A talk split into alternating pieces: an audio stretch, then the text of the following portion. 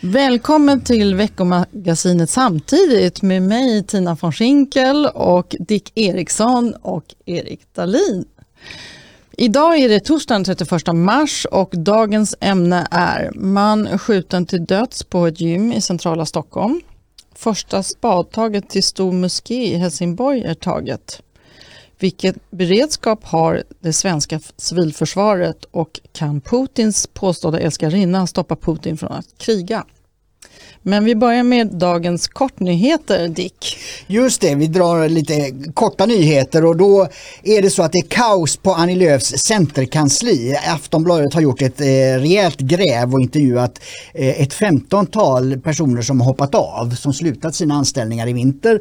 Och eh, nu senast så var det också en jämställdhetsrapport som partiet har eh, låtit någon eh, konsult genomföra och då har personalen pratat om sexuella trakasserier då, de, dels det där vanliga med då att man anser att man har blivit eh, ja, ovälkomna närmanden och sånt men även en formulering om att det har också förekommit försök till våldtäkt. Står det i den här rapporten. Vilket Oj. är häpnadsväckande. Mm. Och eh, det, Aftonbladet då när de konfronterat eh, Annie Lööf och eh, framförallt partisekreteraren där så, så har man liksom eh, eh tonat ner kritiken och det har ju varit en del av kritiken från den här personalen att ledningen har inte lyssnat och att det har varit eh, eh, liksom man, man, har inte fått föra en idédebatt helt enkelt. Det har varit lågt i tak. Annie Lööf är ju väldigt flitig på Instagram, där är hon väldigt stark. Mm. Och, um, nej, hon har inte nämnt ett ord om det här, tvärtom. Hon skriver om andra saker. Och um, det är väldigt få kommentarer på varje inlägg hon har gjort det senaste dygnet. Betyder, vilket jag tolkar det som att de är inne och rensar. Helt enkelt. Precis. För det är 12 kommentarer på eh, senaste inlägget till exempel. Ja, ja, just det. Det är inga att, eh, kritiska kommentarer. Nej, nej, nej mm. hon har varit inne och rensat. Det måste ju vara så. Mm. Eller någon där. Nej, så det, det verkar som om eh, det är någon, för vi har ju tidigare pratat om att eh, inför nomineringarna då av förtroendevalda bland politiker så har ju det varit ett strömavhopp och också då av yngre eh, framtidshopp så att säga som har slutat eh, och inte ställt upp. Och jag har frågat en och annan av dem liksom, vad, vad, är, vad är det egentliga skälet? Men de vill inte säga någonting då. Eh, utan förmodligen är, är, det, är det det här att det, det, det, är väldigt svårt att föra en intern diskussion i Centerpartiet. Och man har gjort sån enorm omsvängning efter valet. Ni kommer ihåg, Annie Lööf hade ju en, en tröja på sig där det stod Kristersson Lööf inför valet 18.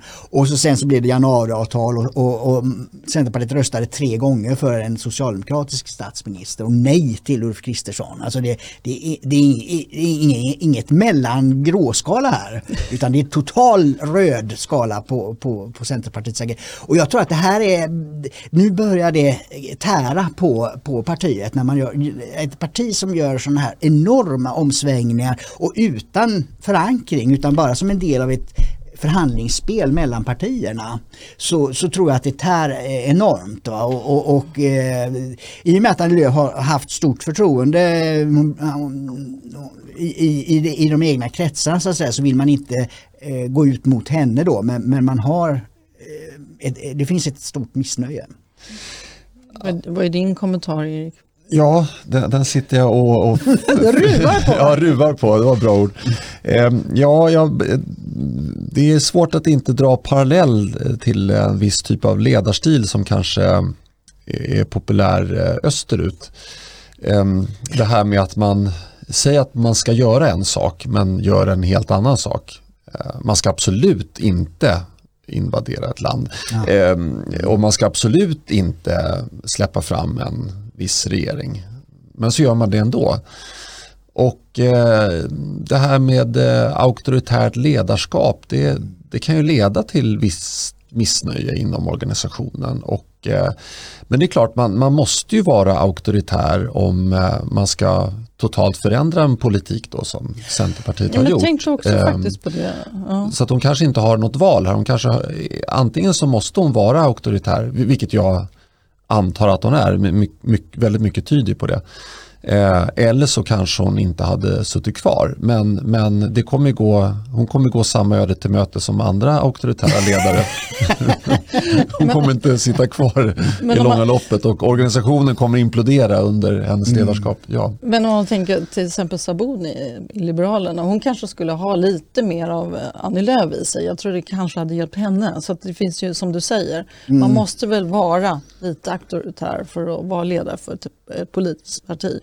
Men man bör ju då kunna förklara vad, vad det är man vill. Eh, Sabuni har ju en klar linje, hon blev vald för det att hon var mer eh, samarbetsinriktad eh, mot dels de borgerliga partierna men också mot Sverigedemokraterna. Så sa hon ju det in, innan hon var påtänkt som partiledarkandidat att man måste kunna prata med alla partier och göra upp även med Sverigedemokraterna när man är överens med dem. Jag tänkte mer på att hon har problem internt. Ja, precis. Sen, eh, så hon har ju en klar linje så hon skulle ju kunna vara lite tuffare då medan Annie Lööf har ju inte ett förtroende eller förankrat det här skiftet från, från eh, borgerligt till, till eh, rödgrönt så att säga. Det, så att, eh, jag tror att ska man vara eh, auktoritär så måste man ändå stå på en grund där organisationen finns. Det, det är svårt att, att liksom under eh, stränga eh, anmaningar få alla att ändra uppfattning. Det, det tror jag är svårt. Exakt, jag, jag, tror grundfelet här det är att hon har gjort den här totala 180 graders vändningen. Mm. Alltså jag röstade ju på Centerpartiet så sent som 2008 är helt, nej förlåt, 2010 är jag helt säker på att jag gjorde det. Mm. 2014 stod jag och vacklade. Men, mm. men jag vet en vecka efter valet då insåg jag att det var inte, Centerpartiet var inget parti för mig. Men hon gjorde det också i det tysta som ni säger. Mm. Det är ju det som inte var Ja, efter valet. Alltså, det, det, precis, alltså, ska man vara en auktoritär eller stark ledare vill jag, vill jag prata om. Det har jag inte heller någonting emot. Men då måste det vara någon som är, eh, har klart för sig vad det är man gör, har respekt för alla eh, aktörer och, och andra som har rätt och, och, och, och har inflytande och så vidare. Och då ska man ju inte ändra politik efter valet. Det ska man göra före så att väljarna får uttala sig om det. Va? Och nu är den här interna krisen bara fem månader före valet. Det är ju helt fel tillfälle att ha eh, liksom, eh, drabbas av missnöje och, och strömma hopp av, av, personal. Det är ju nu man ska gå ut i valet. Så nu skulle ju hon i så fall som stark ledare ha motiverat sin personal och, och medlemmar att köra en hård valrörelse. Istället har hon kört ner dem och eh, gjort dem desillusionerade. Mm. Ja, men det, det, är fullkomligt naturligt att, att det har blivit så här. För att, eh, hade hon varit tydlig med vad hon ville innan hon själv blev vald, mm. nu pratar vi innan, innan riksdagsval, men innan mm. hon själv blev vald till partiledare, eh, att ja, men jag kommer släppa fram en socialdemokratisk regering, inte en gång, inte två utan typ tre gånger. Eh, och, och, dessutom kommer jag förespråka en eh, fullständigt galen liberal migrationspolitik. Mm. Ja, hon hade ju aldrig blivit partiledare. Ja, nej, det, självklart ja. inte. Självklart. Nej, nej, precis. Det, det, är en del av dagens eh, problem tycker jag. Det är att politiker har så väldigt lätt att ändra sig. För hon, hon angav ju Margaret Thatcher som en idol innan hon blev partiledare. Och det hon gör nu är ju absolut så långt ifrån Thatcher man kan komma. Fast jag måste säga att jag är förvånad att hon överhuvudtaget har så många procent som hon har. 7 procent tror jag det var i senaste opinionsundersökningen. Ja, ja, ja, det får vi se. Men med tanke på att hon kommer sätta käppar i hjulet eh, oavsett vilken regering det blir. Mm. Alltså, hon kommer bråka med en socialdemokratisk regering och hon kommer bråka mm. om det ska bli en högerstyrd regering. Så att, jag förstår inte vem ska rösta på henne men ändå hon lyckas. Det verkar vara någon sovande gäng där som hänger på Instagram som tycker att hon är bra, som inte tänker efter vad, vad innebär att rösta på Centerpartiet. Nej, men det, finns ju, det har ju diskuterats varför Aftonbladet kör det här så hårt och mm. har intervjuat så mm. oerhört många. De har ju lagt ner väldigt mycket tid på det här Aftonbladets redaktion och en, en del spekulerar, det är ju väldigt spekulationer, det är att eh, Socialdemokraterna vill eh, driva ner Centerpartiet så att Annie Lööf inte kan ha så, så hård svans svansföring efter valet och, och om det blir rödgrön majoritet så ska de vara pressa till, tillbakapressade så att de inte kan bråka lika mycket. Ja, du menar att hon ska, de ska Centerpartiet tvinga dem att släppa fram en Vänsterpartiet ja. i regeringen? Ja. Alltså, eller Just det, som stödparti? Ja. Ja, men intressant. Mm. intressant. Det blir inte så mycket kortnyheter Nej, av det nej, här. men vi har en förmåga. Men vi går till nästa nyhet då. Det, eller hur Dick? Det var ju statsministern får, lätta frågor, får för lätta frågor i 30 minuter. Just det, Erik. Erik har Ja, specialiserat sig på det här. Ja, precis. Jag gjorde misstaget att titta på det där innan jag skulle gå och lägga mig igår. Sen kunde du 30 sova minuter. i natt. 30 minuter i SVT ska vi säga. Ja. Just. Ja, precis, med Anders Holmberg. Eh, och jag har haft en hyfsat stor respekt för Anders Holmberg förut, för han har ju inte bara satt då, eh, eller ställt eh, Sverigedemokrater mot väggen som Richard Jomshof och Jimmy Åkesson, utan även socialdemokrater som Morgan Johansson och jag tror var Ygeman har ju fått någon omgång där också. Eller, eh, kommer inte ihåg riktigt nu, det ska vara osagt. Mo- Johansson var ju, det, det var ju en otroligt bra intervju. Eh, men nu får ju då Magdalena Andersson första kvarten, alltså halva programmet, ägnas åt ifall Sverige ska gå med i NATO eller inte. Och han vänder och vrider och det enda hon svarar är att men, vi måste analysera den här situationen. Situationen är, är radikalt förändrad efter Så den hon 24 februari. upprepar svaren hela tiden. Och Han, han- Bosse han- Ringholm där. Ja, han och- upprepade 18 gånger samma svar. Och, och jag tycker för en gångs skull, jag, jag har inte mycket till övers för Magdalena Andersson, men, men just i det läget tycker jag att det är ett bra svar. Alltså skulle hon, menar han då att hon på fullaste allvar skulle sitta där, ja Anders har inte sagt någonting tidigare men ja, bara för att du frågar nu så jo vi ska gå med i NATO. Eller, eller alternativt då helt och hållet avfärdar, han måste ju förstå och det förstår ju svenska folket också att hon, hon, det är det enda rätta svaret att ge som hon, som hon gör där. Ja, sen går hon vidare då på eh, Så det var första kvarten. Ja, det var första kvarten. Sen går de vidare på eh, om det är rätt att ge vill, eh, svenska villaägare och bilägare typ 9000 som ett engångsbidrag. Eh, och det kan man ju kritisera och det, det gör jag som inte är socialist och så men jag menar det är, det är inte någonting att ställa henne till vägg emot. Ja, ni ger svenskarna lite för mycket pengar. Ja, det kan man ägna lite grann åt men så här, varför inte gå, bara ställa en sån enkel fråga. Men okej, du sa här i, i Dagens Nyheter att du vill göra Sverige mer som Sverige. Men varför röstar ert parti ja till en jättemoské i Helsingborg då för? Är, är, är det mer Sverige? Alltså sådana frågor. Det, det är den typen av frågor som man har ställt till SD. Ja, eller säga varför har ni drivit upp eh, skatterna på, på energi och bränsle så högt att ni måste skicka tillbaks pengar som eh, rabattkuponger. Liksom. Ja, på samma tema. Men, ja, precis. Han, han, var in, han, han fick en hyfsat bra twist på det där när han frågade eh, om det även kommer ett matbidrag nu framöver. så, så det var Vad, ju... vad var hennes svar på det? Ja, nej, ja, hon kunde inte utesluta det, då, men hon tyckte att bränslepriser och energipriser hade gått upp mer. Men, men det är ju så här, ja, hon är ju socialist. Alltså, i, I ett riktigt socialistiskt samhälle där betalar medborgarna in allt. 100 procent. Mm. Ja, och sen får de tillbaka lite brödsmulor då. Eh, Så att jag vet inte, det är väl ingenting att ställa en socialist till svars För i så fall skulle henne s- fortsätta med den frågeställningen och försöka få henne att pressa henne till, till att svara på det som du säger. Är det här du vill åstadkomma ett socialistiskt samhälle? Ja, Där ni tar 100% i skatt och betalar tillbaka men han kom kanske inte så långt. Det var ju synd. Ja, det, precis. Det hade ju Eh, varit en det- poäng med det menar jag. Ja, det var bara jag som drog den slutsatsen i mitt bakhuvud. Han, han kanske kunde hjälpt andra på traven att tänka. Eh, jo, nej, men i alla fall. Sen eh, sista momentet då, det är eh, vilken regering hon Just vill tänka sig att sitta i och bilda. Så här. Tjatiga frågan. Ja, men det var, det var lite intressant för att eh, dels då så utesluter hon ju, det enda parti som hon utesluter, det är Får gissa? Sverige. Ja. Precis, vi, vi kan utlysa en tävling till våra Ja, just det, lyssnare. just det. vi kan vinna en t-shirt. Nej, men, eh, I alla fall, hon börjar faktiskt med att placera Ulf Kristersson i samma regering. För att säga, ja blir läget nu, säkerhetspolitiska läget ännu tuffare då får vi bilda en bred samlingsregering då. Och så, men tar, sen tar ni bort honom såklart. Men eh, alla andra partier förutom Sverigedemokraterna kan de tänka sig att regera med. Men det här tycker jag Sverigedemokraterna bör plocka upp. Därför att det är ju oerhört, det, det är ju det är ju som en skänk från ovan att Socialdemokraterna utmålar Sverigedemokraterna som huvudmotståndare. För då vet man det, okej, om du inte gillar det Socialdemokraterna har gjort med Sverige sedan 1968 eller i synnerhet de sista åtta åren, ja då ska du rösta på Sverigedemokraterna. Det, det, det är så långt bort ifrån Socialdemokraterna man kan komma. Ja, eh, sen, eh, mycket hårresande här då. Hon sa då att Socialdemokraterna har haft väldigt gott samarbete med Vänsterpartiet i den ekonomiska politiken och drivit fram reformer som förbättrar för den vanliga löntagaren i Sverige.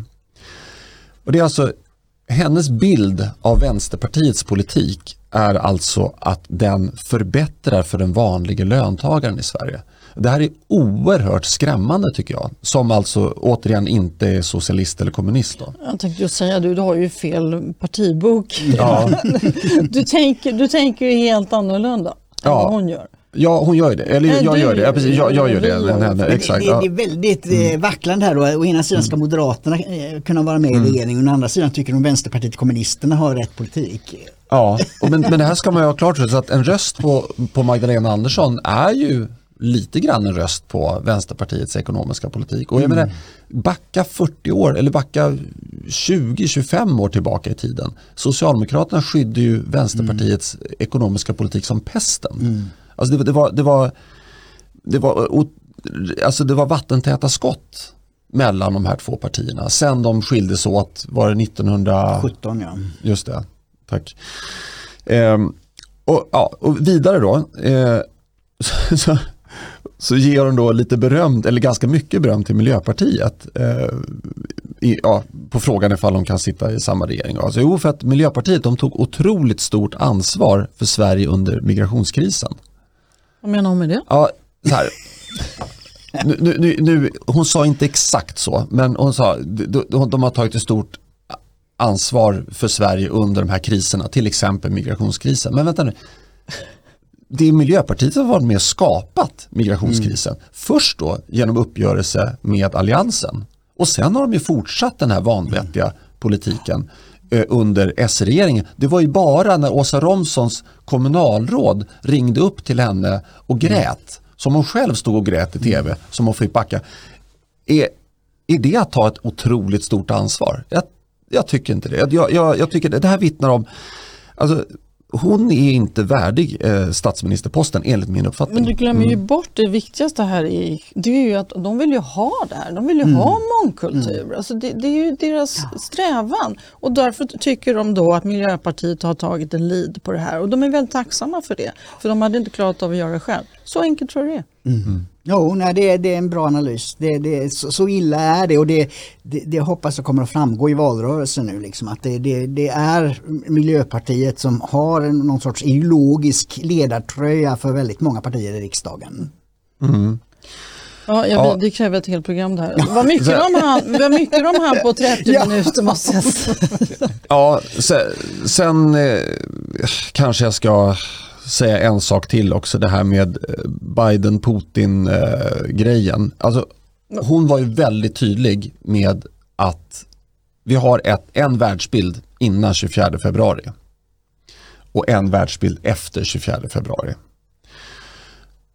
Och sen då så säger hon som motivering till att hon inte kan sitta, ha SD i en regering. Det tar hon upp då eh, Jimmy Åkessons svar på Eh, Anders Holmbergs fråga då om man kan välja mellan Biden och Putin. Men Stefan Löfven svarar exakt samma sak. Tog inte eh, Anders upp det? Nej.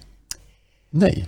Det där får du repetera Dick. Ja, var, var, var det? I, i, I, valrörelsen tror jag det var, eller i alla fall det var en Almedalsutfrågning eh, där Stefan Löfven fick just den frågan. Vem väljer du? Eh, Amerikans, Amerikas president eller eh, Rysslands president? Och då svarar Stefan Löfven som sittande statsminister, äh, det där kan jag inte svara på på det sättet utan det, det, det är eh, ja, diplomati och ja, han gav ett allmänt svar till varför han inte ville välja eh, en statschef. Och det var ju precis det som Jim Åkesson gjorde sen då.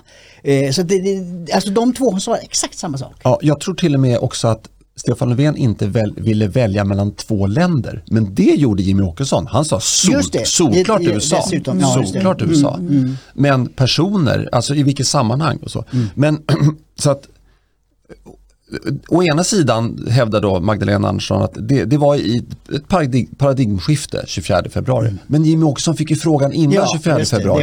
Mm. Kan, de inte, kan han inte fråga mm. honom igen? Mm. Eh, och, och det här bygger hon då hela, hela sitt eh, case på, skulle jag säga.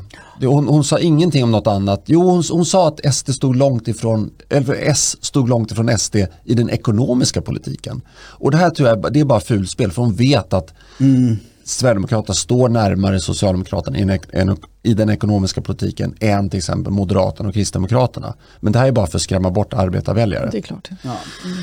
Eh, ja, eh, i alla fall i det stora hela, jag, jag fick ett väldigt dåligt intryck av henne. Jag tycker att, inte att hon är, är värdig statsministerposten. För att det här är, alltså, väljarna vill inte ha vänsterpartistisk ekonomisk politik. De vill inte ha miljöpartistisk migrationspolitik.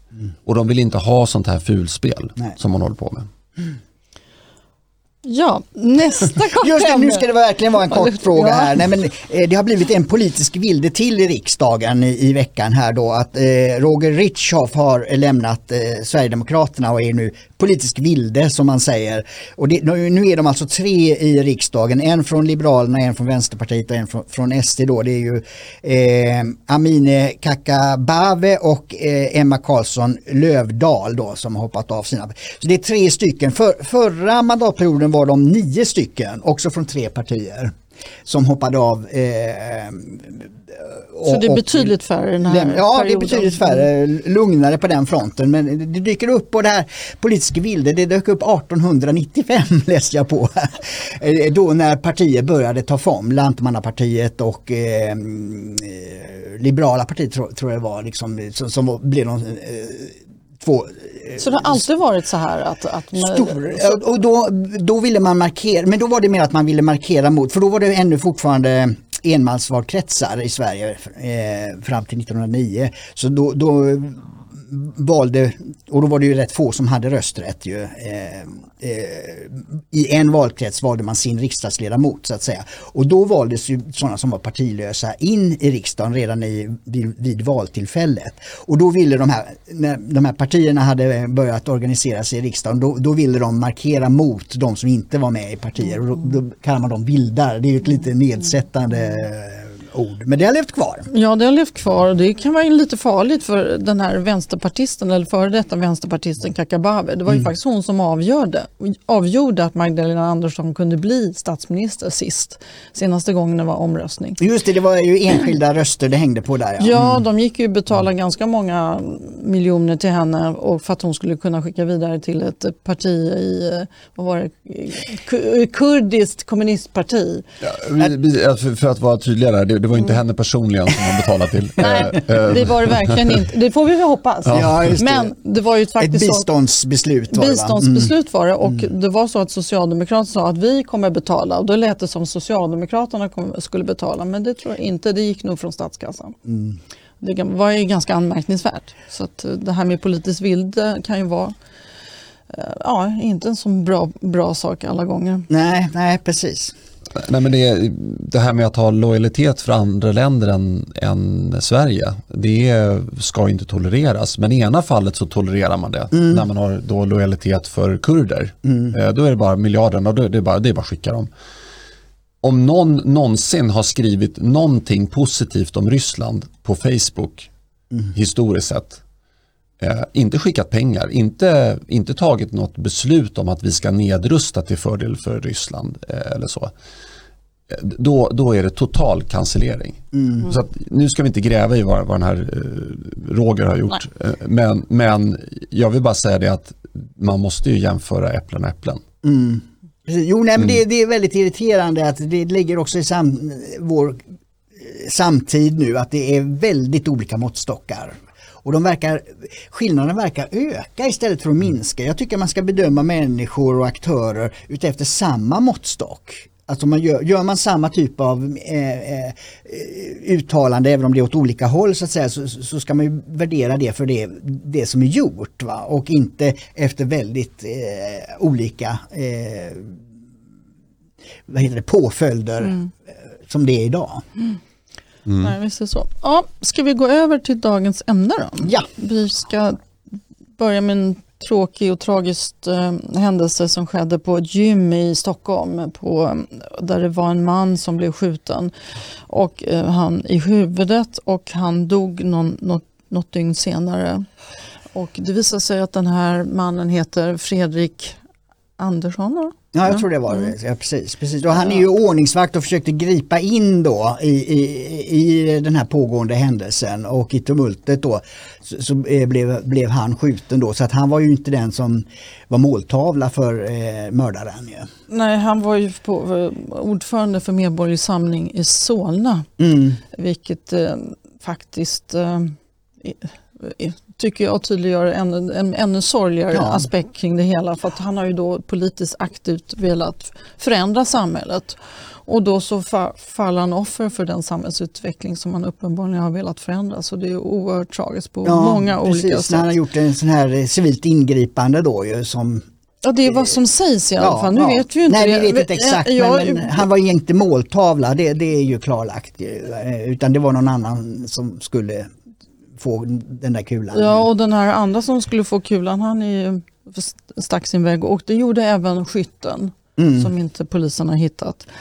Eh, Men en annan sak som man- kan fundera kring det här att eh, man säger ju det att blir man anfallen av kniv så ska man springa och blir man eh, attackerad med, med pistol så ska man hoppa på den personen för det är väldigt svårt att träffa någon som, alltså det är svårt att skjuta har ni aldrig hört Ja, det uttrycket? nej, det har jag inte nej, hört alltså för faktiskt. kni- Att bli skadad nära någon med Ja. kniv det är lätt hänt men Ja. att skjuta någon så att du, man kan verkligen undra vad som hände där på gymmet. Det här gymmet är ju ganska välkänt gym. Det är ju inte så att det är Mm. ett gym som där är Men det är gam, gam, har funnits länge. Ja, det har funnits länge och jag vet många personer som har gått Mm. där så att eh, det är ju inte så att eh, det är ett, ett, ett, ett, ett gym som man kan ifrågasätta Och- på så sätt. eh, Utan, Det ligger ju på en gata som har en skolgård på andra sidan. Ju. Så att det var ju många skolelever som, som eh, såg att någonting hände. Så att det, och mitt, det mitt inne i Stockholm, så precis som Ja. den här rapparen som sköts nu. Så nu, nu, nu är det ju så att det här besinningslösa våldet inte bara finns ute i, i förorter då med utanförskap och där gängen härjar utan nu, nu kommer det in i, i andra områden med, med, med eh, ja, vad man ska säga, det, ja, det, det, det normala ja. Mm. Sverige så att säga. Så att det, det, våldet tar allt större grepp Alltså, om Sverige. ja, och vi noterar ju då återigen rekord med antal dödsskjutningar i Mm. Sverige. Återigen i, nytt, nya rekord och eh, räknar man ut hur många dödsskjutningar det blir om det här fortsätter den här trenden så är det över 70 stycken på ett år. Det är Mm. helt osannolikt. Ja, de här första månad, tre månaderna. Ja, Mm. precis. Och eh, tittar man på hur Mo- Mo- Morgan Johansson sa ju, var det var det 2017 eller 2018 så sa han så här att nej det kommer inte vara några oskyldiga som drabbas. Mm. den risken är mycket, mycket liten sa han ju. Men det, det Mm. finns ju de som har gjort uträkningar som säger att det är över 40 personer, 46 personer som är oskyldigt drabbade i dödsskjutningarna. Sen, sen under de senaste tio åren. Ja, nej, det är bedrövligt att inte vi, vi, vi har ingen ordningsmakt i Sverige som, som har det här våldsmonopolet som det ska vara i en rättsstat. En rättsstat eh, definieras av att vi har, man har en eh, demokratiskt vald regering och riksdag som stiftar lagar och de upprätthålls av polis, eh, ordningsmakten, då, polisen. Och det är de som har våldsmonopol. Det är liksom själva grunden för ett tryggt samhälle. Och det där har eh, eh, avvecklats nu med, med Morgan Johansson. Ju. Men jag tänker på, ska, hur ska man göra för att komma åt det här? För att, eh, förutom att man givetvis ska försöka stoppa tillströmningen. För att vi vet ju att det bottnar, det bottnar ju i, i en importerad företeelse. Ja, det är det- det- andra generationens eh, invandrare är ju kraftigt överrepresenterade. Det visar en BRÅ-rapport som kom förra året. Ju. Eh, och, och det, även när man tar hänsyn till social, socioekonomiska faktorer som sossarna gärna vill prata om. Om man tar hänsyn till dem och alltså räknar bort dem med, med låg inkomst och låg utbildning så är det ändå dubbelt så vanligt bland andra generationens eh, invandrare eh, att begå grova brott. Alltså det, är, det är en kraftig överrepresentation och den kan inte förklaras med något annat än kultur. Mm. Det, det, det, det är det. Och det finns bara ett sätt att, att, attackera det är det är inkapacitering som ju ett antal yngre kriminologer har, eh, tagit upp nu och har blivit allt vanligare ord. Det vill säga låsa in folk. För så, så länge de sitter inlåsta kan de inte mörda och, och härja. Va? Så de ska låsas in och det enklaste sättet är, det som riksdagen skulle kunna göra om det blir en konservativ majoritet i, i höstens val, är att omedelbart plocka bort alla rabatter.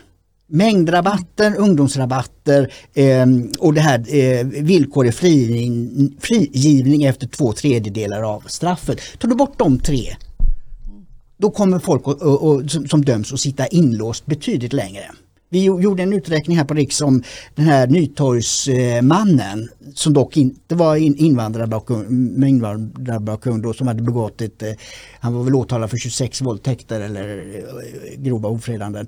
Ehm, han fick fem år, det vill säga straffet för en grov våldtäkt. Därför att man ger rabatter eh, för ju fler man ju fler brott man begår ju billigare blir de i straffhänseende i Sverige. Det är en helt absurd eh, moralisk eh, skala bakom det där.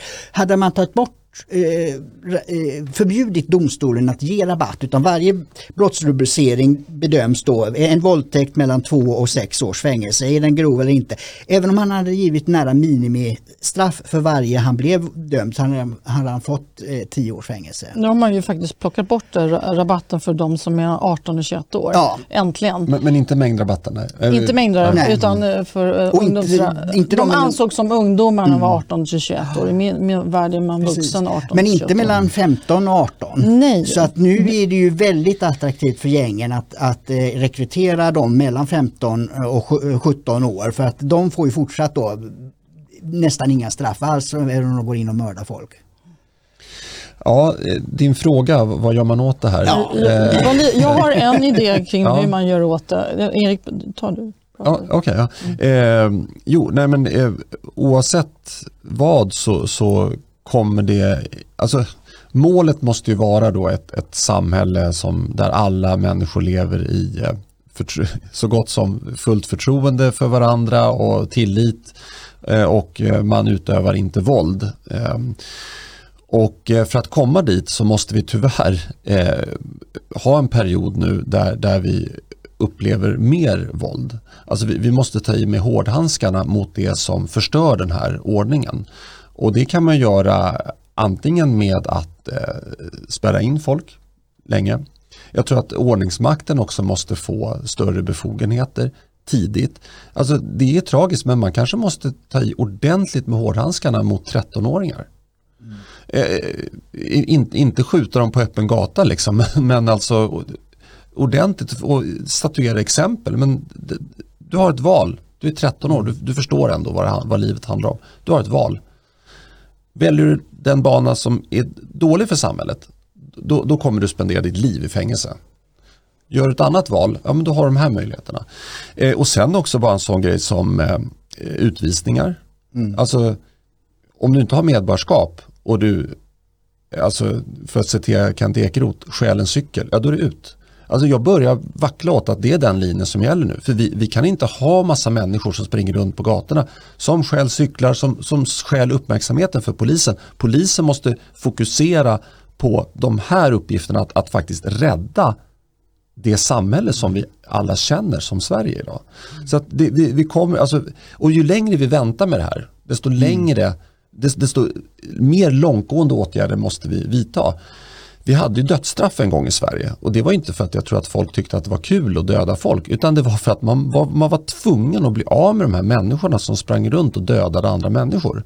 Och väntar vi för länge med att vidta mer långtgående åtgärder, jag är helt säker, spara det här till handlingarna vi kommer att behöva införa dödsstraff igen i Sverige. Kanske inte om 10 år, kanske, kanske inte om 50 år, ja. kanske om 100 år. Det blir krav på det i alla fall. Ja. Det blir krav på men, det. jag, tror, mm. jag tror snarare att vi måste dra in föräldraansvar. Vi får döma föräldrarna också. Ja. Om de är upp till 15 mm. år, in, alltså, bura in allihopa. Mm. Jag förstår vilken press det blir på föräldrar, för föräldrarna måste ta större ansvar här.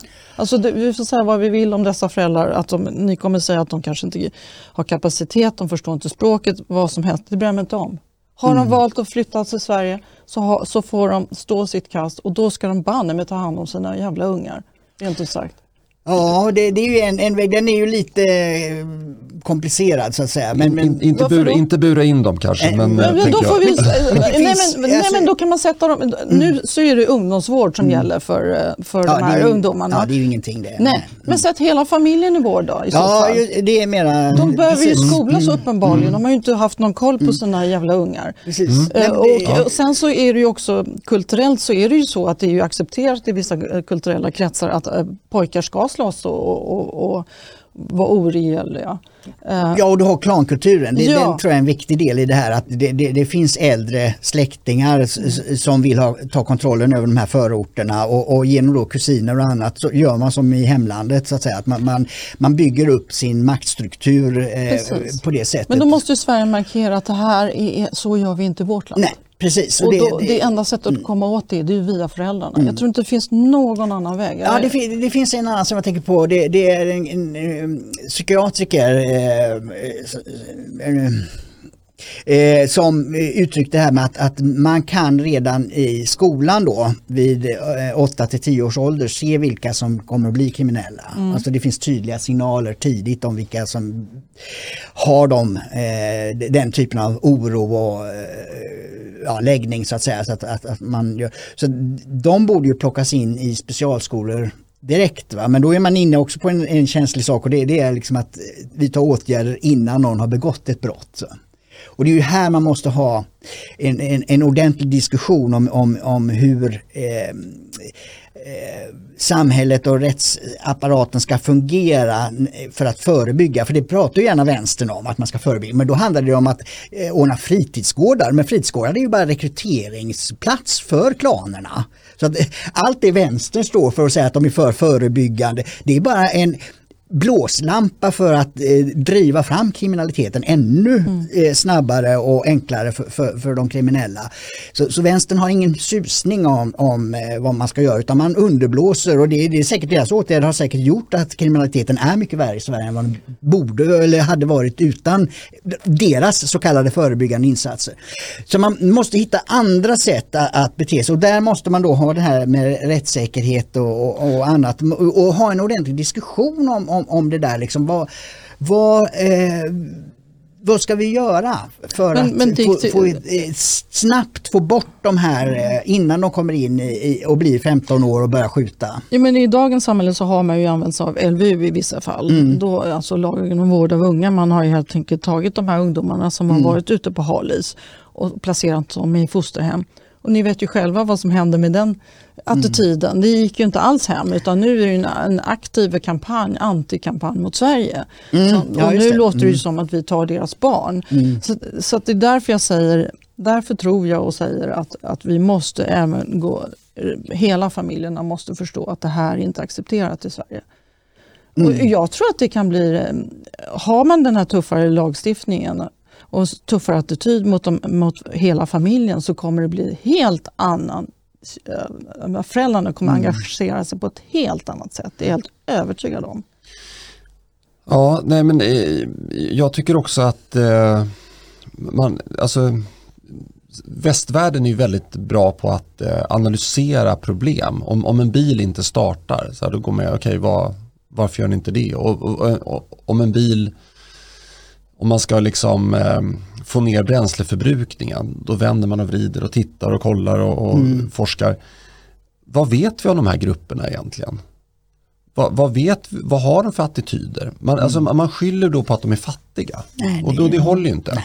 Men alltså, man, kanske faktiskt ska liksom, göra djuplodande, djuplodande ja, i- intervjuer med de som eh, ställer till kaos i samhället. Eh, alltså på, på massiv skala och liksom utvärdera olika färdigheter och så för att ta reda på vad, vad, vad, vad, kan, hur kan vi förklara det här. Och sen, och sen kan man ju då, om man hittar vissa egenskaper som de här besitter, då kan man säga att men då, då är det noll invandring från dem. Nu, nu, nu, nu, nu har vi identifierat vad det här Ja. Men Eh, och då kan man också identifiera vad det beror på. Det en, en, en, någonting som eh, Hanif Bali har, har ventilerat ganska mycket det är det här med att många i de här miljöerna har ju ADHD.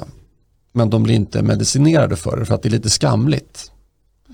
Det var bara ett exempel. Alltså, Mm. det, ja, så att, men man måste jobba med två fronter här. Liksom, ta reda på, än, ännu, ännu fler. ja, ännu fler, ja, förlåt. 50-11 fronter. Ja. Och så här, vad beror det här på? Eh, och, men under tiden, spärra in dem. Mm. Vi, kan ha dem springande lösa i samhället. Nej men du har, Mm. eh, alltså, jag tror att en grundläggande eh, orsak om man ska försöka eh, plocka ut en viktig faktor så är, är reklamkulturen. Och det, det, det har ju olika författare skrivit flera olika böcker om och intervjuat i Göteborgsförorterna till exempel och, och det finns också författare i Stockholm som har skrivit och under många år. och, ja, precis. Och för klankulturen tror jag, för, för den är, står i direkt eh, konkurrens med rättsstaten. Det vill säga vårt demokratiska samhälle där vi röstar och så stiftar de vi har röstat lagar och så följer vi dem. Klankulturen är, är en mot, mot demokratin eh, agerande och den är liksom som en bläckfisk, alltså den, den, den tar sig in överallt. Göteborg är ju eh, särskilt eh, drabbat eller i alla fall eh, har det alarmerats därifrån. Bara en sån sak som att kommunanställda visar en rapport som kommunstyrelsen har tagit fram, vågade inte anmäla när gängen placerar vapen i kommunens egna lokaler.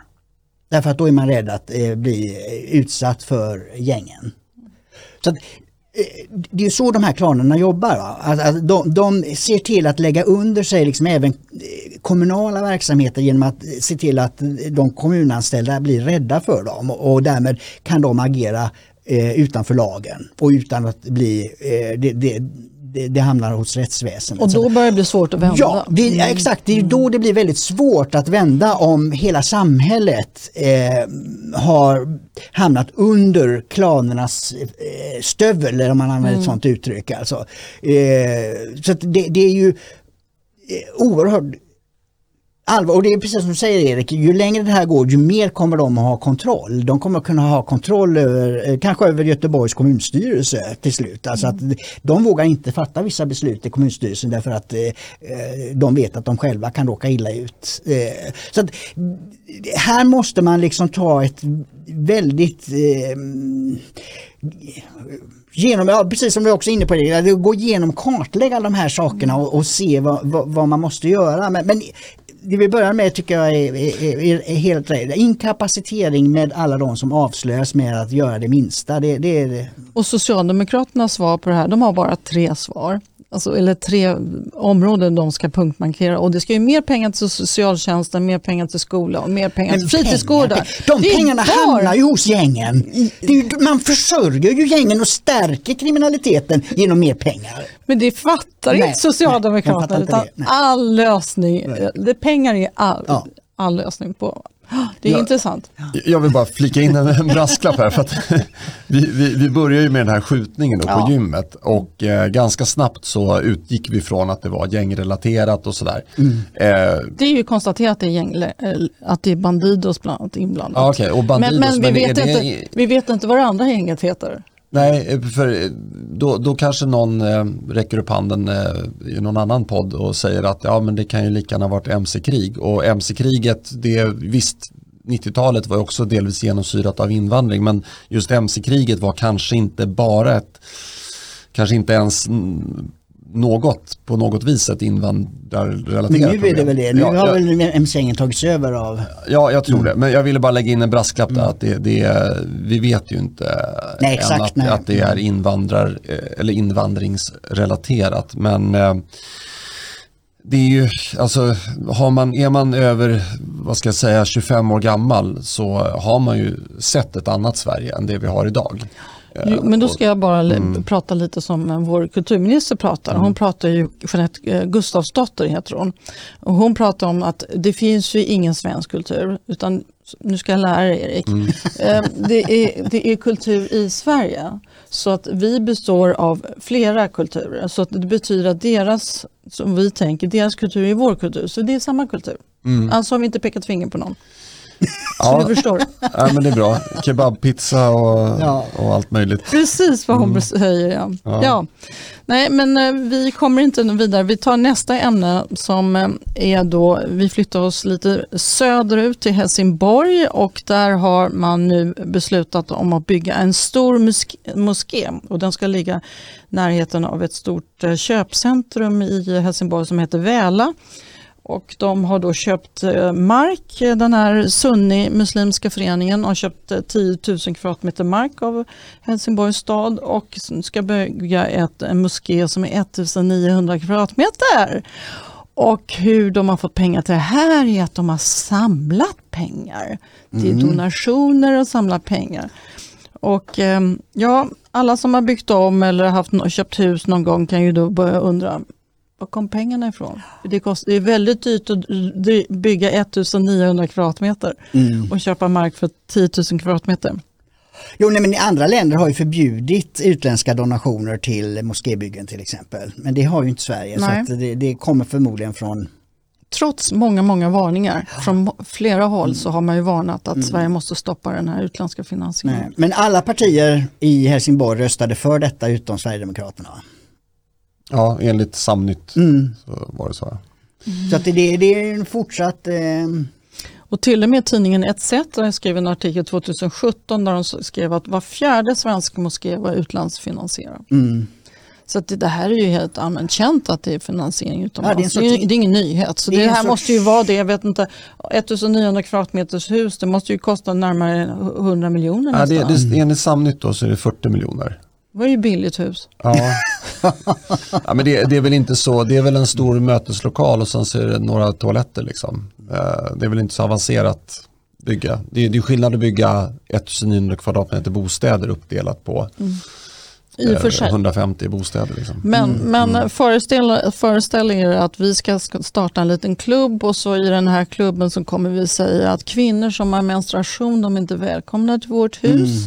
Och eh, kvinnorna ska sitta längst bak eh, eller en trappa upp.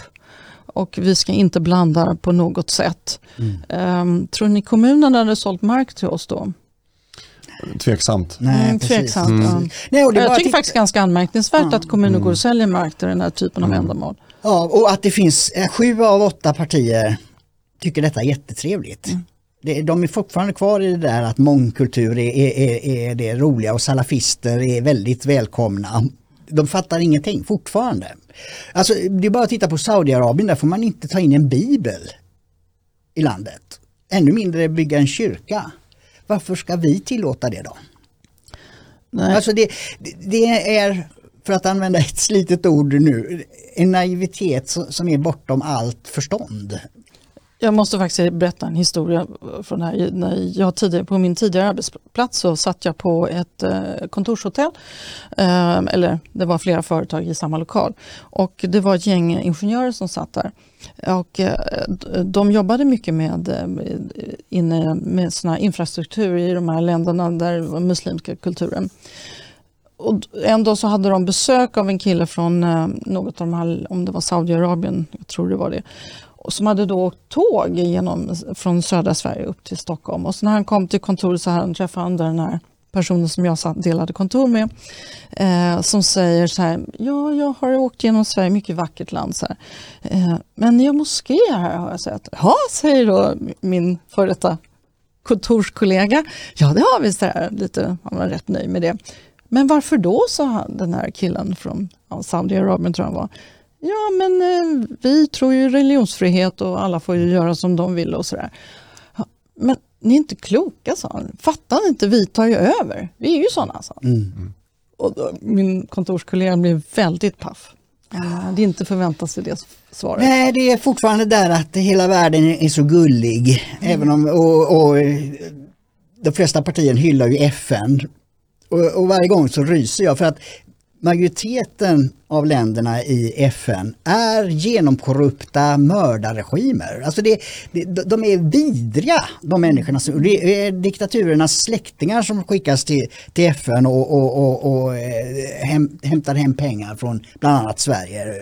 Alltså det, det, det finns en sån enorm naivitet om hur världen ser ut. Utan man tror att det är som på ett svenskt daghem, så ser hela världen ut. Liksom. Det, nej, alltså jag är för religionsfrihet när man använder, ut, vad heter det? Eh, vad, vad säger man? Man säger man eh, utövar religionen eh, privat. Alltså, eh, man, är man muslim, man, lägger ut mattan riktat mot Mecka och, och ber fem gånger om, om dagen. Jag har absolut ingenting emot eh, det, att man gör det i hemmet. Men att komma och ställa krav på att det ska finnas bönerum på flygplatser och i varuhus och sånt där, det, det hör absolut inte hemma i, i Sverige. Nej, jag, jag är för demokrati eh, och eh, om 51 procent av Sveriges befolkning inte vill ha moskéer i Sverige, då kommer det att bli så. Och eh, jag tycker att Magdalena Andersson, när hon sa att hon vill att Sverige ska bli mer som Sverige, det hon egentligen säger då, antingen så säger hon att moskéer det är någonting som är svenskt. Ja, hon är enligt med hennes kulturminister. Ja. Ja. ja. Eh, och då tycker jag hon får säga det. Eh, och, och då i, i, i analogi med det, ja då ska hon ju bygga ännu fler moskéer då, för då blir ju Sverige mer Sverige. Men Eller, Holmberg frågar inte vad hon menar med det. Nej, det är men väldigt otydligt att säga att Sverige ska bli mer Sverige. ja, men hon, det sa hon ju i DN. Jaha, så det var det var ju inte- rubrik. okej. Nej, Mm. precis. Men jag Hon har nog bara sagt det en gång tror jag. Ja, men det var ju, det var ju huvud, hon målade ju en svensk flagga där tror jag. Just. Ja. Ehm, och vill man att Sverige ska bli mer som Sverige, ja då måste man ju börja riva moskéer. In, inte tillåta fler bygglov, för jag anser inte att moskéer är någon symbol för Sverige. Ehm, och ehm, jag, jag, jag, tror att svenskarna är verkligen flata här. Eh, och, och, och det här med religionsfrihet, ja det är klart vi ska ha det. Men om den utnyttjas till vår nackdel, Mm. Då kan vi inte ha religionsfrihet längre. Mer än att, ja men gör vad fan du vill, eller ursäkta att jag svär, gör, gör vad du vill i hemmet då. Men liksom pådyvla inte din religion på annat. För det, det är också så här, vilket, kan man ge ett exempel på ett framgångsrikt muslimskt land? Ja, det är väl kanske lite oljeländer då som eh. Saudiarabien och Qatar. Men i Qatar, eh, i alla fall fram tills för ett par år sedan, så var det dödsstraff för homosexualitet. Är, är det någonting eftersträvansvärt? Är, det, är, det, är det det vi vill välkomna till Sverige nu med att vi liksom tillåter bebyggelse av massa moskéer? Är det, den, är det det tankegodset? Ja, uppenbarligen är, är- det det. Alltså de är, men det är det, de, de har ingen aning om vad de är för. Sossar och andra när, när de eh, välkomnar multikulti och sådär. De fattar inte det att allt Västvärlden är den mest avancerade eh, civilisation som vi har sett i mänsklighetens historia med all teknik, teknisk utveckling, i välstånd, fredligt, eh, fredlig samexistens. Eh, så ju mer utav andra kulturer man blir, så regregerar man, man går ju tillbaks. Man, man tar ju samhället bakåt i tiden. Det, det, det, det vore självklart att säga, ja de människorna som kommer hit, eh, jobbar och så vidare, men de måste i så fall anpassa sig till vårt sätt Och nu, och nu har de den här nya slogan som är helt absurd, apropå det ni pratar om. Det är ju Sverige kan bättre, det är ju Socialdemokraternas nya slogan. Det är helt osannolikt komma på en sån kom, s- fras när man regerat i snart åtta år och säga ja det skriver vi, Sverige kan bättre. Innan hade de Framtidspartiet, det har de plockat bort, jag vet inte varför. Ehm, men nu är det Sverige kan bättre och då börjar man också tänka så här, "Jaha, men vad menar de med det? Är det här, att bygga bus- moskéer, är det att vara bättre? Ja, kanske. Om man tänker som kulturministern då, så kanske det är bättre i deras värld. Men inte vår värld. Men jag måste bara knyta an lite som du pratade om där. Vill, du är för demokrati Erik som du sa. och Vill 51 procent inte ha moskéer så blir det inte. Men med den här höga invandringen så kan vi nästan börja vända Ja. på det. Vill 51 procent ha moskéer, ja då blir det moskéer. Ja, och, Det är och, också en aspekt på det hela med demokratin. ja, och så här, folk som upprörs på vänsterkanten av, av partiet Nyans. Alltså, varför ska inte de få säga vad, ni, har ju välkomnat dem. Men, men, men ni vill inte att de ska ha någonting att säga till om då? Alltså den här partiledaren, han är ju öppen med att han, han vill ju förenkla turkars liv i Sverige. Och, och göra, alltså göra Sverige mer som Turkiet. Ja, han kanske inte säger så ordagrant, men det, det, det är ju ehm, det, det, det, är ju det, är det hans politik går ut på. Eh, och, och jag menar, det är inget problem om det finns 500 turkar i Sverige, men liksom, finns det en miljon turkar, nu finns det inte det, men, men då blir det ett problem. Om man ska ha demokrati. Men det finns med över en miljon muslimer i Sverige, det tror man att det finns. Ja. Men, men, och, och Jeanette Gustafsdotter, eh, kulturminister apropå moské, hon besökte ju Stockholms stora, stora moskén i Stockholm häromdagen. Så att, eh, hon, hon Fick hon är, be med männen då eller? Gick hon, Nej, det, det framgår inte. det borde man kolla upp faktiskt. För att är när en socialdemokratisk riksdagsledamot inför förra valet eh, besökte en moské, om det var i Malmö någonstans, så fick hon bara vara i källaren med, med, med de övriga kvinnorna medan hennes medarbetare då, som var man fick vara, eh, samtala med ledningen för moskén. Men det är ganska anmärkningsvärt att, att hon var där överhuvudtaget. För att det, det sägs ju att den moskén ju, den kallas ju för Muslimska brödraskapets hög, högsäte i Sverige. Men det visar hur underdåniga socialdemokratin är mot muslimska fundamentalister. Eller desperata efter röster nu när Nyans har kommit in. Ja, just det. det kan ju också vara så. Ha. Mm. Ja, ska vi gå till nästa ämne? Eh, vilken beredskap har det svenska civilförsvaret har kommit upp på tapeten? Och det har diskuterats ganska mycket kring skyddsrummen i Sverige. Men eh, det, vad är då det svenska civilsamhället? Ja, det, beror, det består ju av lite olika komponenter. Det är ju alltså att vi ska klara, det svenska civil- civilsamhället ska klara ett tre månader långt väpnat angrepp. Det är målet. Och då har man kom, många kommit fram till ganska lång tid tillbaka att det kommer Sverige inte att Nej, göra. nej.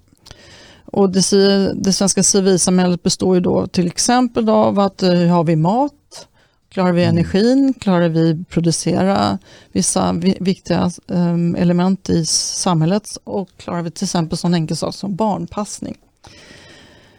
Ja, vad säger ni om det men här? alltså, jag är så gammal att jag kommer ihåg att på 80-talet så var det ju en del av di- di- diskussionen vilken självförsörjningsgrad Sverige hade på olika livsavgörande faktorer. Och Torbjörn Fälldin som var bonde och statsminister han var, ju särskilt mån om att livsmedelsproduktionen var så säkrad som möjligt att man hade en hög självförsörjningsgrad på de flesta väsentliga äh, medlen.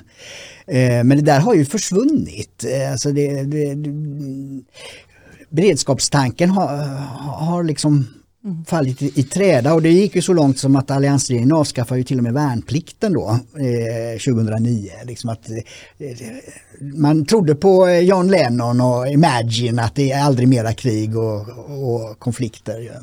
Och då har vi avvecklat det mesta av, av sånt där. Det sades ju att det skulle bli krig skulle Sverige leva på morotskaka. För vi hade ju socker, morötter och spannmål. Men det har vi ju inte heller längre. Varför då? Spannmål kommer inte räcka.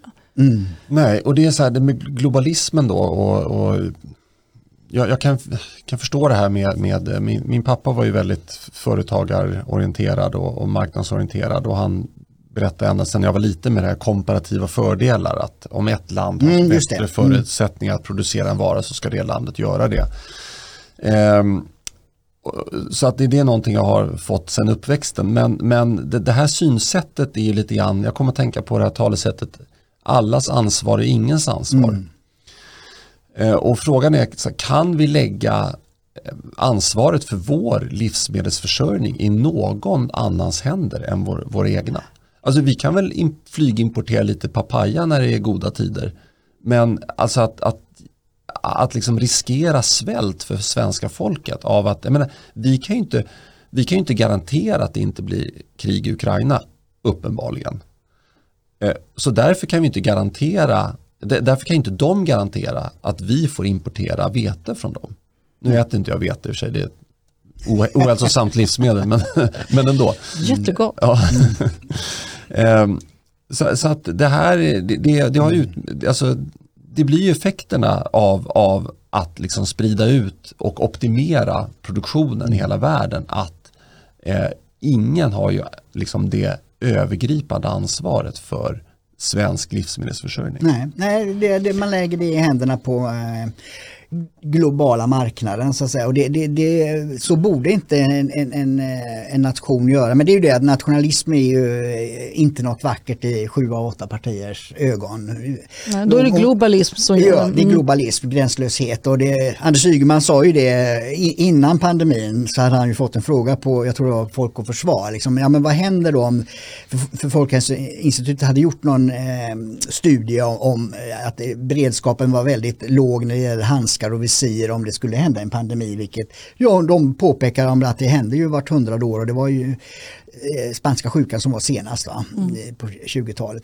Eh, så det, statistiskt sett så kan det komma igen då. Men då svarar Anders Ygeman, ja men då köper vi det på marknaden. Och vi såg vad som hände mm. när alla i hela världen skulle ha eh, plasthandskar och visir samtidigt. Det, det, går liksom inte och har man inte då produktionen i eh, närheten eller, i det egna landet då, då står man utan. Va? Och det jag tänkte på då det är mediciner, alltså livsmedel, där har vi ju åkermark och, annat som vi, som vi kan eh, använda och, och, och där borde man få upp det så att vi har en, tillräckligt mycket lantbrukare som kan odla det här marken och att vi, så vi har kunskapen kvar. Men det, det ännu allvarligare är ju att flera livsavgörande mediciner tillverkas bara i Kina. Så är det idag. Mm. Och det är ju helt absurt att, att man eh, då, det är en komparativ mm. fördel då. Kina gör jättestora fabriker, de har låg, låga löner och, och, och det är lätt och mediciner det tar ju, väger ju inte så mycket så det, det är lätt att frakta ju, på flygplan och så. Men, men och de bolagen är vägsålda. Ja, vilken makt man gamla, ger, ja. ja. vilken makt man ger Xi, Xi Jinping, diktatorn i, i Kina att eh, säga, ja men gör ni inte som vi säger så får ni inte den här medicinen. Då kommer tusentals människor i, i, i ert land att dö. Visserligen, om vi slutar äta vete så kanske vi slipper käka mediciner. Nej, nej, nej, nej. Nu ska du vara snäll mot våra bönder. Mm. Nej, har, det, det, finns flera områden, andra områden som identifierade som, som uh, kritiska och det är framförallt elförsörjningen. Ja, och det vet mm, vi ju mm. att den är, har ju både Socialdemokraterna, Centerpartiet och Moderaterna. Eller um, uh, Socialdemokraterna, MP och Centerpartiet har ju drivit på duktiga där, ja. och nedmontera det. Men sen är det framförallt också skyddsrummen. Det finns mm. inte skyddsrum som räcker. De slutade år 2000, så har det, sen 2002 har det inte byggts ett enda skyddsrum. Och under den perioden kollade upp så har vi haft en befolkningsökning på 1,4 miljoner. Mm. Det är huvudlöst. Mm. Fullständigt huvudlöst hur man gör så. Mm. Men så har det ju varit med migrationspolitiken, vi pratat om många ja. gånger förut här. Det finns ju ingen plan kring det här, inte ens kring skyddsrum. Nej, nej, så det, det vi har levt i någon sån hedonistisk tidsera här. Alltså eh, att eh, vara glad för dagen är det viktiga, men inte tänka på morgondagen. Nej, och du skickade ju en länk innan eh, här i veckan Tina om Aha, det civila ja. försvaret. Eh, och eh, jag har inte tänkt så mycket på det här tidigare men, men det är ju det är ju verkligen symbios mellan det militära och, och det civila. Eh, för att om det civila inte orkar bära de här bitarna som matförsörjning och barnpassning och sådär, mm. då, då kommer ju det militära försvaret att, att duka under. Man måste ha mat även om man jobbar i det militära. Och det här, jag fick liksom en känsla av att den här symbiosen var liksom uppbyggd under en annan tid i Sverige. Att, man, att alla ville sträva åt samma håll. Men, men ta nu de här 700 000 eh, som eh, lever på bidrag i Sverige. Som ja, konstant och inte kan försörja sig själva. Va, vad ska de göra när kriget kommer? Ska, ska vi fortsätta dels då att serva militären med massa mat och sen också fortsätta betala in pengar så att staten kan betala ut bidrag till de här som inte kan försörja sig själva så att de också får mat. Alltså, vi måste komma tillbaka till, till en, en, ett läge där, där alla är med och bidrar till Sverige. Stort mm. som smått. Eh, och, och eh, hur man kommer dit, alltså visst vi har, kan att det finnas långtids eh, och, och Ja men det är de som inte kan arbeta. Ja, absolut, mm. men, men att, att, att vi spär på en befolkning som inte har förmågan att försörja sig i Sverige. Det kommer ju till slut att drabba vår eh, försvarsförmåga. Den inre säkerheten. Är, är, är, är, är jag ute på halis Nej, jag håller med dig fullständigt. Mm. Och jag har också funderat kring det här när jag läste den här artikeln som prata om det här civila försvaret är ju att vad ska man göra med de här? Det kanske är ännu mer än 700 000. Det finns Svenskt Näringsliv tror jag räknar ut att det var 1,3 miljoner som inte försörjer sig själva i arbetsför ålder. Sen är det visserligen några av dem som inte kan försörja sig mm. själva. Det är en annan sak. Men vad ska vi göra med alla de här? Det är ju alltså närmare en miljon då, låt säga mm. att det är en miljon. Ska vi börja sätta dem i någon slags utbildning, alltså samhällsutbildning eh, av olika slag? Alltså tänk, tänka scenariot att det blir krig eller kris eller något slag varför inte? Jag säger till dem, ni får inte bidrag förrän du har gått, eh, någon får gå någon eh, elementär sy, eh, lära sig hur man lagar kläder eller vad är det som händer när det är krig? Någon måste lära sig laga mat. Och, mm. Alltså, varför inte? Ja, visst. Varför jo, inte bara ställa krav nu? Vad, vad, heter det? Samhällstjänst eller vad heter det? Ja, det samhällstjänst. är ju militärt och så finns det samhällstjänst ju. Som man, mm. alltså det där måste ju, de systemen måste ju triggas igång och, och, så att de skulle kunna tillämpas. Men en annan fråga är ju, det, det, det är ju inte bara den typen av personer som, eh, vi har ju eh, massa sådana här influenser och, och vänsterliberala debattörer som dominerar svensk debatt. Schulman heter ju någon, han sa att han skulle sticka från Sverige om ja, det kan han, han, vill, han vill inte försvara, eh, för att, han vill, att försvara landet skulle vara nationalism och därför skulle han dra. Mm. Om, det, om, om, Sverige blir utsatt. Jag kan säga så här, jag träffade hans pappa när jag var liten för han bodde granne med oss. Han var en väldigt vänlig man. Han har blivit oerhört besviken om man har hört Alex mm. Men han har ju flera så, söner som är korkade. Ju. Den andra, Alex heter väl en, en av dem, de är ju vidriga. Alltså deras åsikter är ju helt Ja. Ja. Pro provokatörer, eh, men alltså de tjänar ju pengar på att provocera. Ja, jo, så att, eh, man ska väl inte dra allt för förhastade slutsatser. Nej. Men men kan de eh, inte prata om något men, oh, vettigt istället ja, men, för att bara hålla på och reta men upp tillbaka folk. till ämnet, alltså, för, mm. Sverige, Sverige tar ju inte det här på allvar. Nej, så, nej. Alltså, för att hade man gjort det så hade man ju satt de här mm. personerna i olika samhällsutbildningar. Mm. Inte bara på mm. SFI eller något sånt där. Utan lär dem någonting. Ja, precis. Nej, men ett första steg skulle kunna vara, vi, eh, partierna sansade sig lite grann och återinförde värnplikten. Ju. Eh, så den är ju återförd. Eh, den är ju inte allmän. Nej, den är, alla behöver inte göra det. När jag eh, var i den åldern, 18, så var det ju alla eh, killar 18 år gjorde mönstring. Och fick mm. åka, till mönstringsanläggning och göra konditions och eh, intelligenstest och sånt där. Ja. Eh, och placerades någonstans de flesta då. Och de som inte ville då, kunde få vapenfri tjänst eller så blev det ju till och med straff då att man inte ville genomföra värnplikt. Ehm, men det, allt det där avskaffades, sen är det frivilligt återinfört. Men jag tycker att man borde egentligen ha en, en, en ta, börja med de unga och, och säga att alla 18-åringar, både tjejer och killar, ska mm. mönstra, ska eh, dokumenteras och eh, få någon typ av, om, militärtjänst eh, kan ju vara frivillig, eh, men, men eh, de som inte gör det ska göra en annan samhällstjänst i någon sån här en, en nyttig mm. funktion som skulle behövas om det blir en, en allvarlig kris. Framförallt de som inte arbetar mm. idag, varför inte? Ja, men, mm. ja.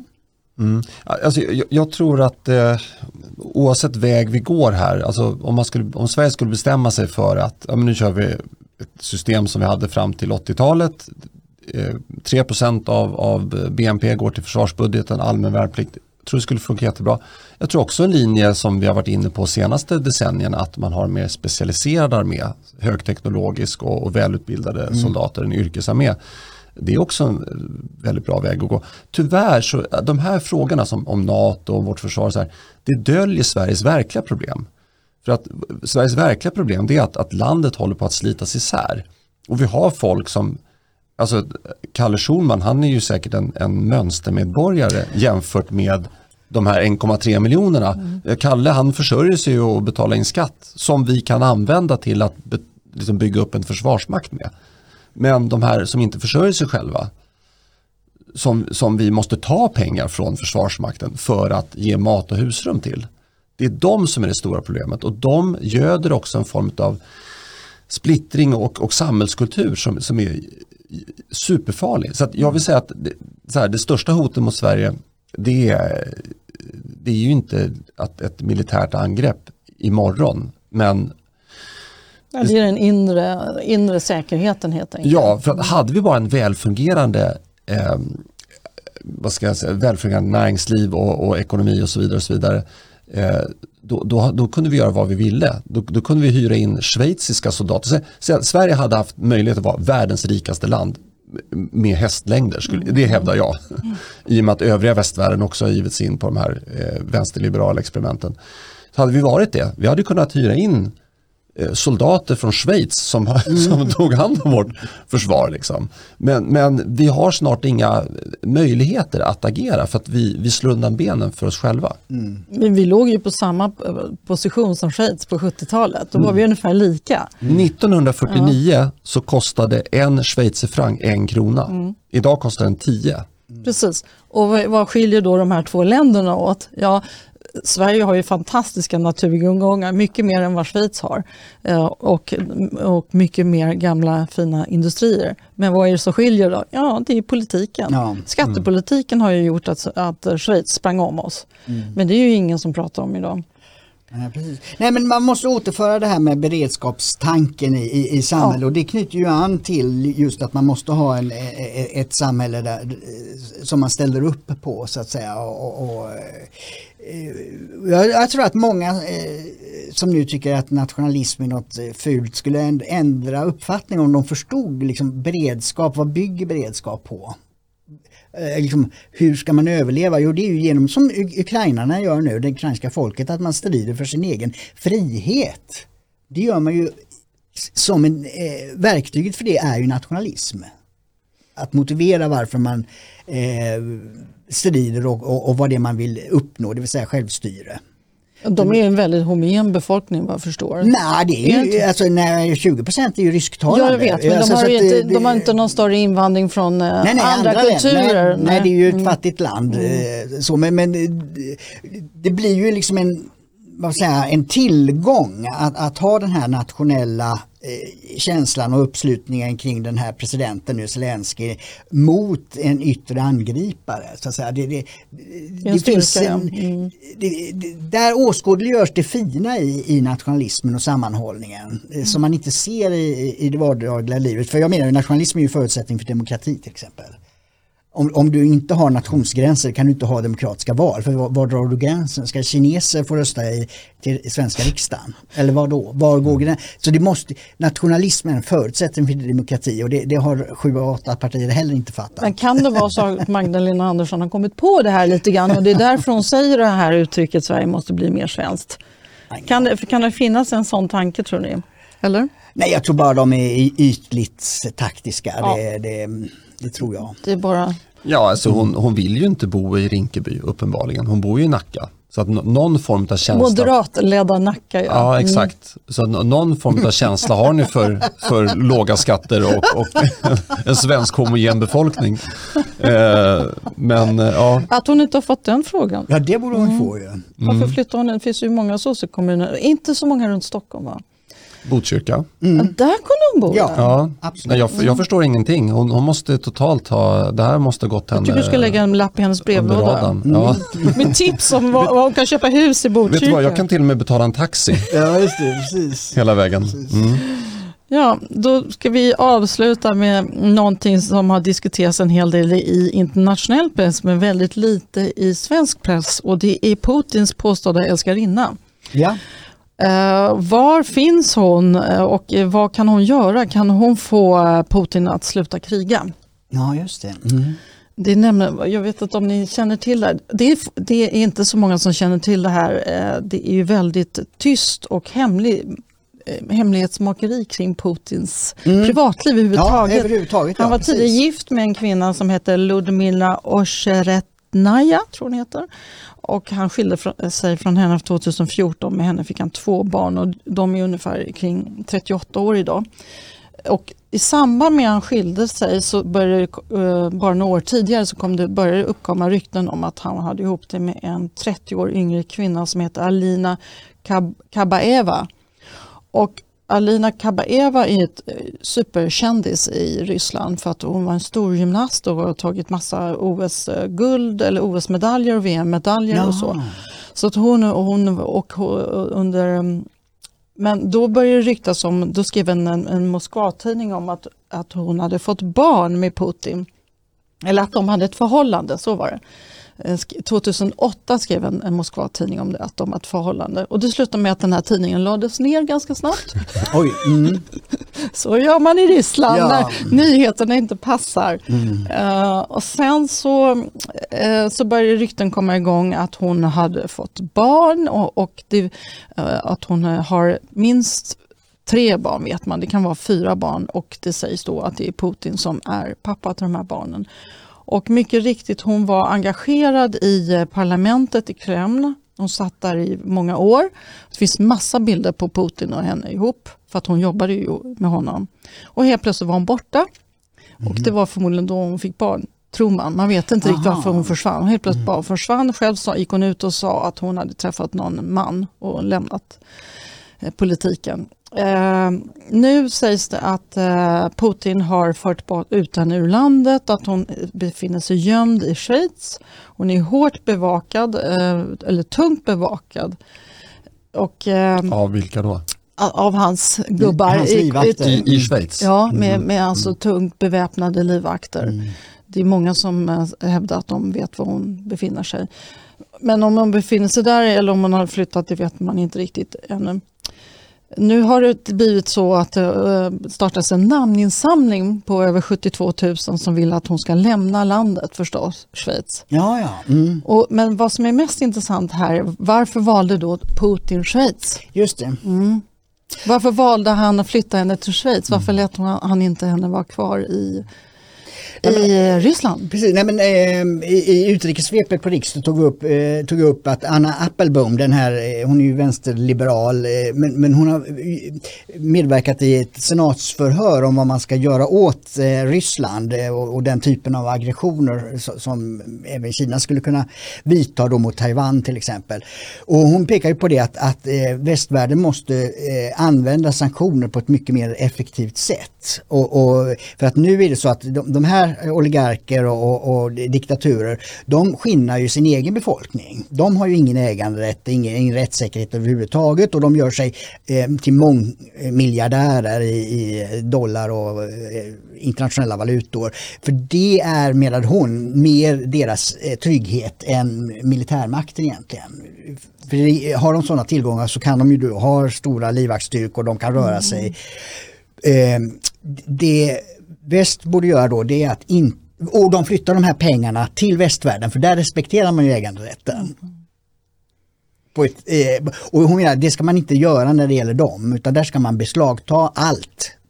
Beslagta allt och skicka tillbaks eh, till, till kanske ryska statskassan eller någonting sånt där eh, när, när Putin är borta. Men Alltså- nämnde, nämnde hon Ali? eh, Nej, hon Putin? nämnde inte, nej, hon nämnde nej. inte men, men hon, hon pekar på de här, hon är en sorts oligark kan man säga, eller den, kretsen av eh, eh, mäktiga personer i, i, i ryska eliten som, som skinnar ryska folket på pengar och lever gott. Eh, nu har hon väl många livvakter för Putin är rädd att hon ska tas som gisslan för då kan man ju pressa Putin ju. Ja, det, det var väl det som var den intressanta aspekten här. Eh, Nej men jag tycker det, det, det intressanta är just det här Appelbaum, att väst måste beslagta de här pengarna som de här eh, Men hur ska man har. tolka det här? Ska man tolka det som att Putin kommer inte ge sig på övriga Europa? Eller? Nej, nej, nej men det, det, precis. Nej, men, han, där går gränsen i alla Ja, fall. ja alltså, han vill ju ha, Eller? han vill ju upprätta eh, Ryssland som en stormakt på historiska. Jag tror han vill gå längre tillbaka än till Sovjetunionen. Eh, liksom, tsar eh, Ryssland och då ingår ju till exempel Finland var ju storfurstendöme innan tsarväldet. Ja. Eh, alltså han, han, det, det, och, men Schweiz har ju aldrig tillhört Ryssland. Nej, och eh, Schweiz har ju alltid tidigare uttalat sig som neutral. Mm. Så att han eh, kanske missbedömde Schweiz, för nu har de ju sagt att de inte ska vara neutrala. De har ju sagt att de ska hjälpa till att beslagta Mm. oligarkernas eh, förmögenhet. Exakt. Sen är det svårt att komma åt dem, för de är Mm. ju skickliga på att trassla in det i olika konton, så jag tror inte det är helt enkelt. Jag, jag kommer osökt att tänka på den här bilden på två såna här anarkistdemonstranter vet, med vet, ja, eh, trasiga kläder och, och liksom, eh, ja ni vet hur de ser ut med eh, konstiga tatueringar och konstig frisyr och eh, såna här säkerhetsnålar i, i eh, Punkare, ja, andra li, lite punkare men, men lite an, an, mer anarkisthållet då. Eh, som sitter och äter på eh, en McDonalds-restaurang efter att de nyss har demonstrerat Ja, mot imperialismen och Den är, kapitalismen. den är så underbar. Ja. Och med en liten i- varsin iPhone. Ja. Ja, just det, just det, naturligtvis. Ja. just det. Så att det är väl så att eh, människan, oavsett om man är anarkistdemonstrant eh, demonstrant eller om man är eh, ledare för Ryssland och heter Vladimir Putin, så eh, är man väl en hycklare. Alltså han åtnjuter ju de fördelar som eh, den fria västvärlden ger Ja. eh, och den rättssäkra västvärlden ger. Men samtidigt så eh, i sin eh, argumentation och eh, i sitt politiska utövande så föraktar han västvärlden. Eh, så att i, i min värld så det är ingen större skillnad mellan honom och de här anarkisterna. Nej. Det är sant. Men vad tycker ni? Nu är det så tydligen att hon har eh, Kabaeva, alltså den påstår älskarinnan att hon har tydligen ett schweiziskt pass och det har hennes barn också. Naturligtvis. Vad ska Schweiz göra? Ska de låta henne få stanna kvar eller ska de skicka ut henne? Ja, alltså, jag, jag, jag vet ju att även i Sverige har ju tidigare ministrar framfört att man ska skicka ut alla ryssar och sånt där. Jag, jag tycker det, det, det, det är ju en avvägning hela tiden vad man ska göra. Pengarna tycker jag att eh, från de som är oligarker, det, det, det, även om det är som, precis som du säger, det, det är svårt att eh, eh, klargöra ägandet, vem, vem, vem som är den egentliga ägaren till, till saker och det är massa bulvaner och annat. Men man kan jobba hårt med det och, och eh, USA har ju jobbat med eh, italienska maffian eh, under tidigare generationer och, och lyckats eh, riva ner det. Så att det, det går. Men enskilda personer och deras det, det jag har Det är svårt. ja. Ja precis. Nu tillhör hon ju eliten så att säga så att eh, hon skulle man kunna se som en representant för den ryska staten och då skulle man kunna skicka ut henne ju. Eh, Jag tror det var den engelska The Times som skrev att de kallade henne för Eva Braun och hon skulle sammanföras med sin Führer. Ja. Ja, nej varför inte? Är det någon som kan, på, kan påverka Vladimir Putin så kanske det är just hon. Ja. faktiskt. Vi kan hoppas på det. Och, därför vore det ju dumt att skicka tillbaka henne till Ryssland. Du menar att hon har större möjlighet att kunna påverka honom från sin bunker där hon sitter? Ja, eller alltså för, för det första undrar jag varför Schweiz tillåter en privatperson att ha beväpnade livvakter. Från, är, de, är de Inne på tomten kan de nog inte säga nej till det. Inne på tomten, nej. Jo, men alla, vapenlicenser och sånt, det måste ju Schweiz ha också. Det måste de ju ha ordnat på något sätt i så fall. Ja, fast då, då måste de ju vara schweiziska medborgare. För man kan väl inte, man man kan väl inte tillåta att ryssar beväpnar sig in i Schweiz? Det vet vi inte. Om det, det är ju det, I och med att det är en diktatur så kan han ju hävda att det är eh, statsangelägenheter, att det är ambassad och diplomati. han det har eh, han säkert ordnat, han säkert han, har inte officiellt sagt att hon är någon officiell Det vet vi inte vad han har sagt till myndigheterna. Nej, såklart. okej. Precis, Nej, det borde men- ju undersökas av någon, eh, vad, vad det officiellt är för något som gäller. Ja, Men nej, nu är det jag- faktiskt oklart om hon är kvar. Det, det, Ja. det är inte säkert hon är kvar. Nej. Ja, det var väl eh, var det allt för idag? Ja. Eller vad ty- tycker ni? Ja, det, det tycker jag. Funderar efter lite. Vi återkommer mer så snart och vi hörs och ses nästa vecka, eller hur? Ja, Ja, Tack Så blir det. Dick och tack Erik. tackar. tackar, tackar. Just det.